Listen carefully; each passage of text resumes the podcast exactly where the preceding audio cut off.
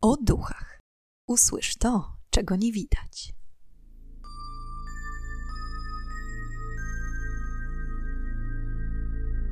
Witam i pytam, czego dusza pragnie. Strasznie miło mi gościć Was na moim kanale. W dzisiejszym odcinku przybliżę Wam historię nawiedzonego krzesła, które zsyła śmierć na każdego, kto odważy się na nim usiąść. Jaką moc ma krzesło Baspiego i jak kończyli śmiałkowie siadający na nim mimo ostrzeżeń? Na wstępie chciałam Wam podziękować za wszystkie subskrypcje. W ubiegłym tygodniu stuknął mi pierwszy tysiąc na YouTubie. Cieszę się, że nasza społeczność się rozrasta i w związku z tym postanowiłam założyć grupę na Facebooku, na którą serdecznie Was zapraszam. Na grupie będziemy mogli porozmawiać na tematy związane zarówno z kanałem, ale również ogólnie z duchami i zjawiskami paranormalnymi. Link do grupy znajdziecie w opisie odcinka. Dobrze, ale już bez zbędnego przedłużania zapraszam do wysłuchania dzisiejszej historii. Początek dzisiejszej historii sięga końcówki XVII wieku. W niewielkim, cichym angielskim miasteczku St. Hatton w hrabstwie Yorkshire, na farmie znanej jako Dunotty Hall, mieszkał Daniel Auti, miejscowy złodziejaszek i fałszerz monet. W okolicy większość osób wiedziała o szemranej pracy Daniela, a nawet chodziły plotki, że posiada on w podziemiach swojego domu komnatę, której w spokoju może oddawać się fałszowaniu pieniędzy. Prawdą jest, że Daniel prowadził firmę fałszerską w pobliskim mieście Kirk by Wisk. Auti podczas swojej złodziejskiej kariery poznał niejakiego Tomasa Basbiego, cieszącego się złą sławą złodzieja, pijaka i brutala. Basby często wszczynał awantury i rzucał się do bujek w swojej gospodzie w St. Hatton. Gospoda przyjmowała gości, oferując napitki w barze. Basby był w gospodzie zarówno właścicielem, jak i stałym klientem, oczywiście w cudzysłowie. Po prostu lubił się napić.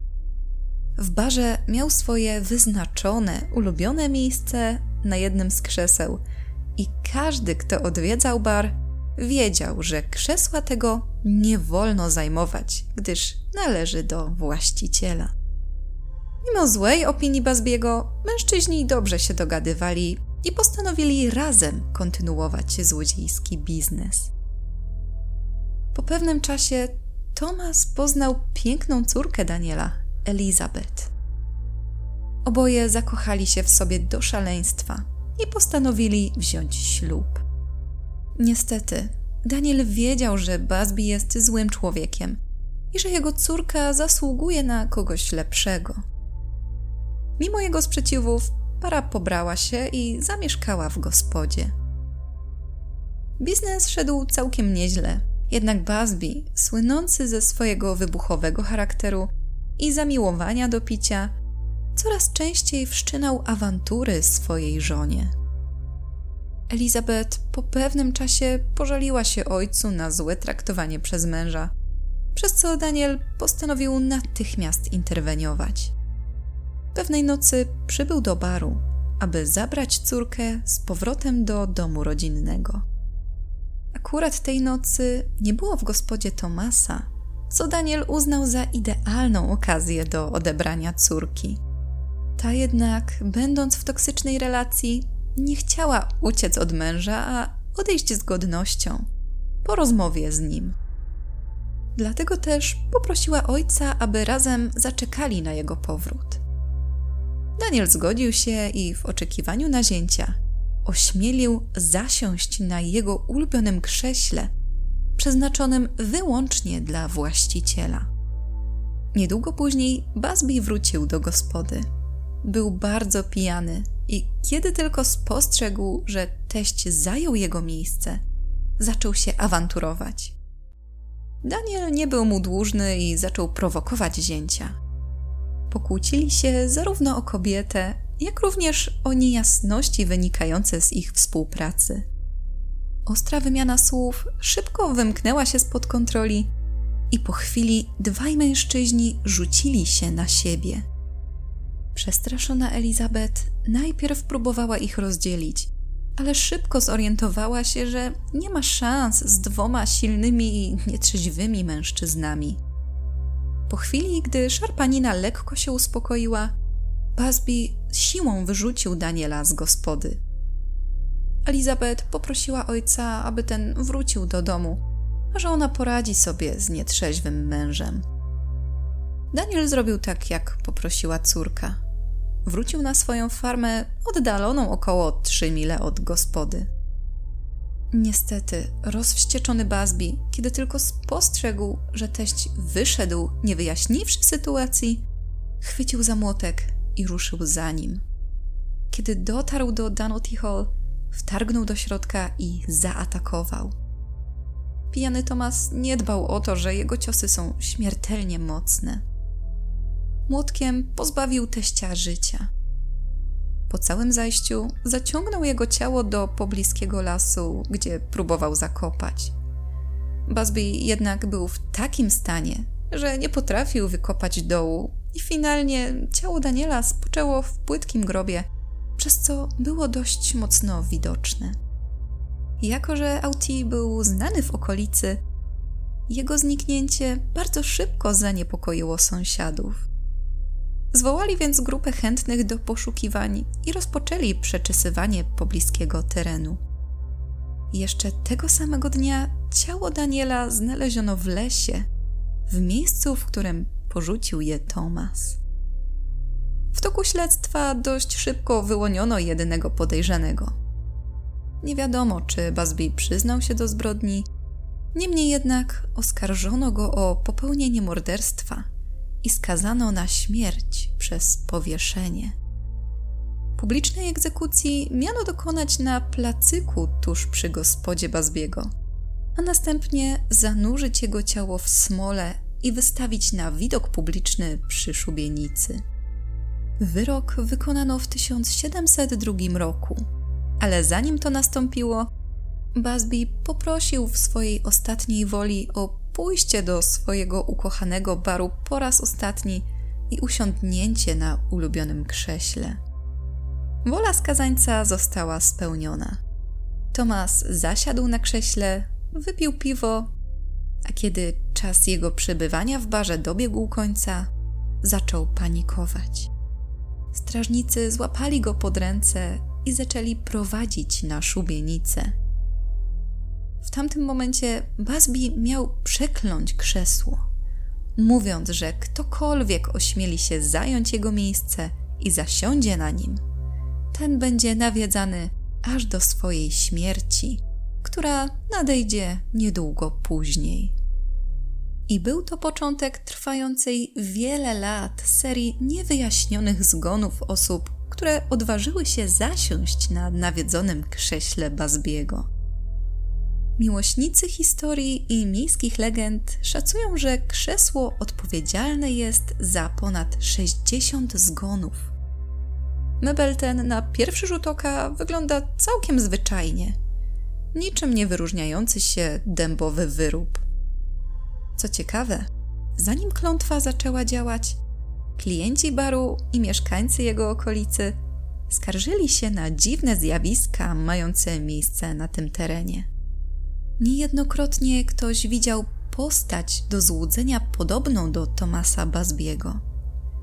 Słyszano również dziwne dźwięki, stukanie, jęki i wycie, a będąc w miejscu, gdzie postawiono wtedy szubienicę, każdy czuł się nieswojo, jakby był obserwowany. Szybko utarło się więc, że zarówno pub, jak i placyk nieopodal niego są nawiedzone, a gospodzie zmieniono nazwę na Busby Stoop Inn, którą posiadał niezmienioną aż do zamknięcia w 2012 roku. Przez długie lata nikt nie odważył się zasiąść na przeklętym krześle Bazbiego.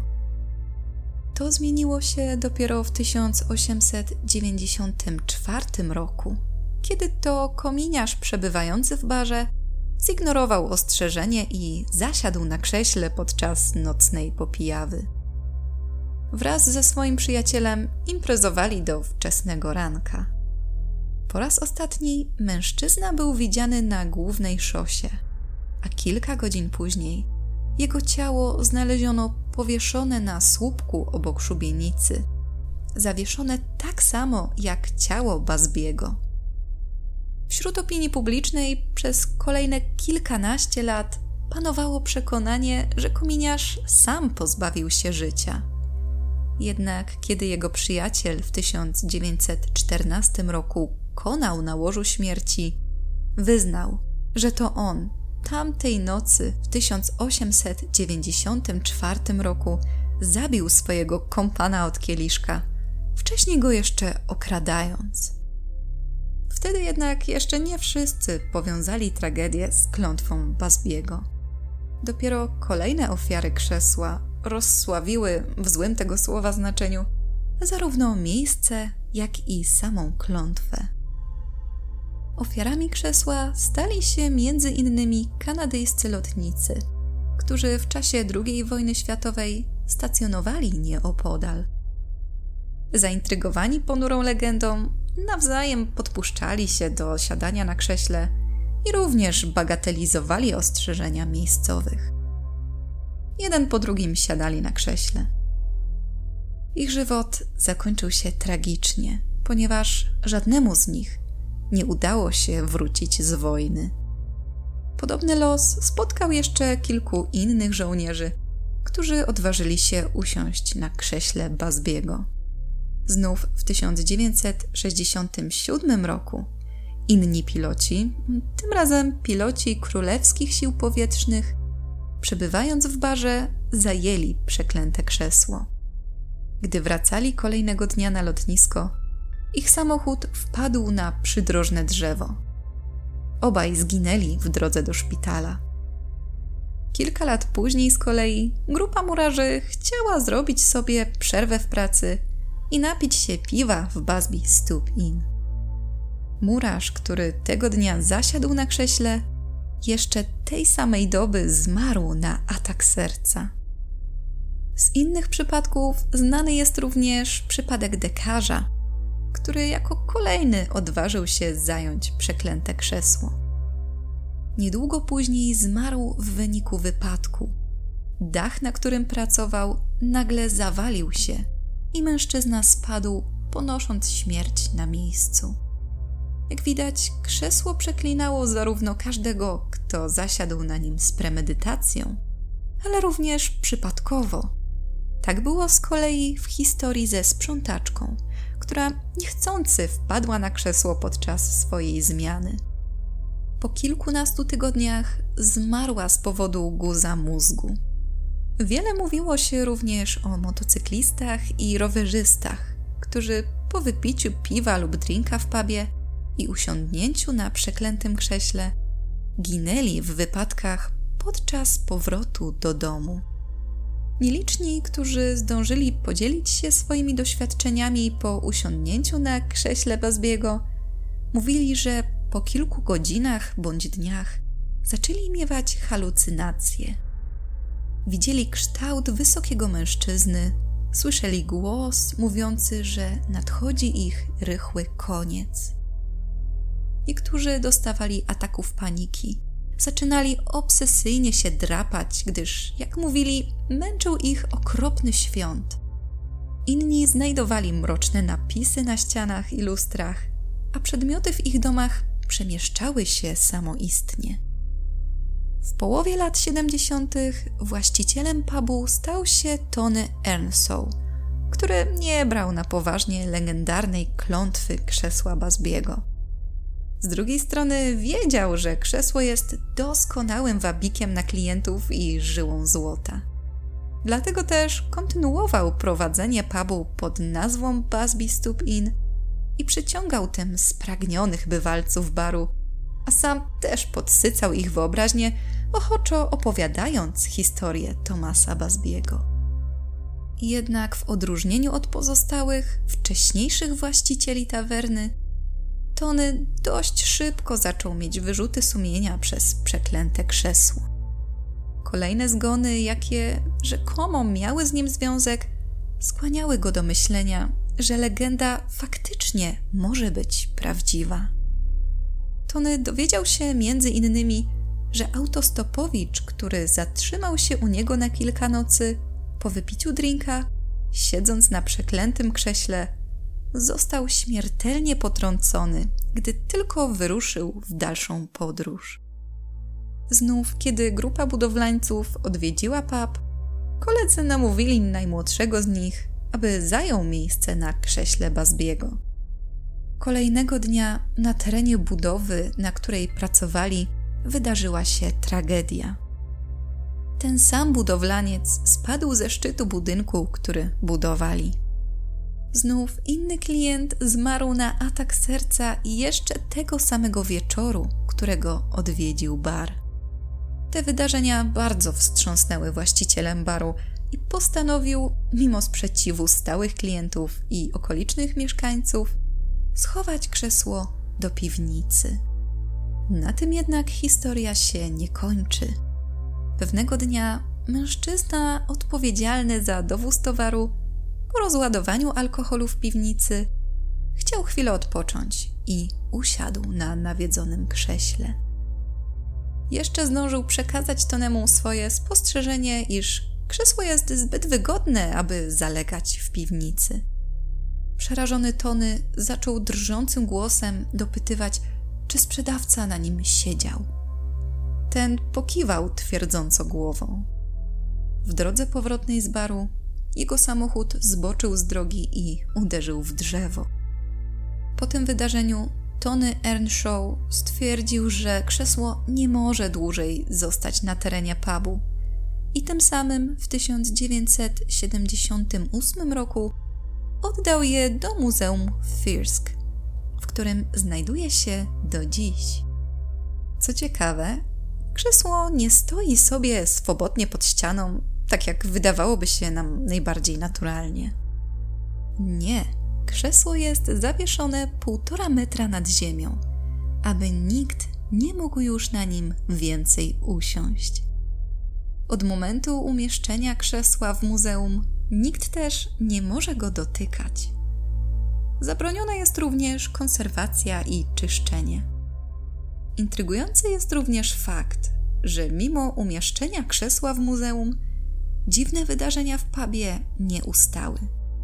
Kobieta pracująca jako sprzątaczka wyznała, że pewnego wieczoru zobaczyła na szczycie schodów ciemną, przerażającą postać bez rąk, która kołysała się chwilę na boki, po czym zniknęła za ścianą. Czyżby duch Bazbiego nadal pilnował swojego ulubionego miejsca w barze? Znów pewien autostopowicz poprosił nieznajomego kierowcę o podwózkę.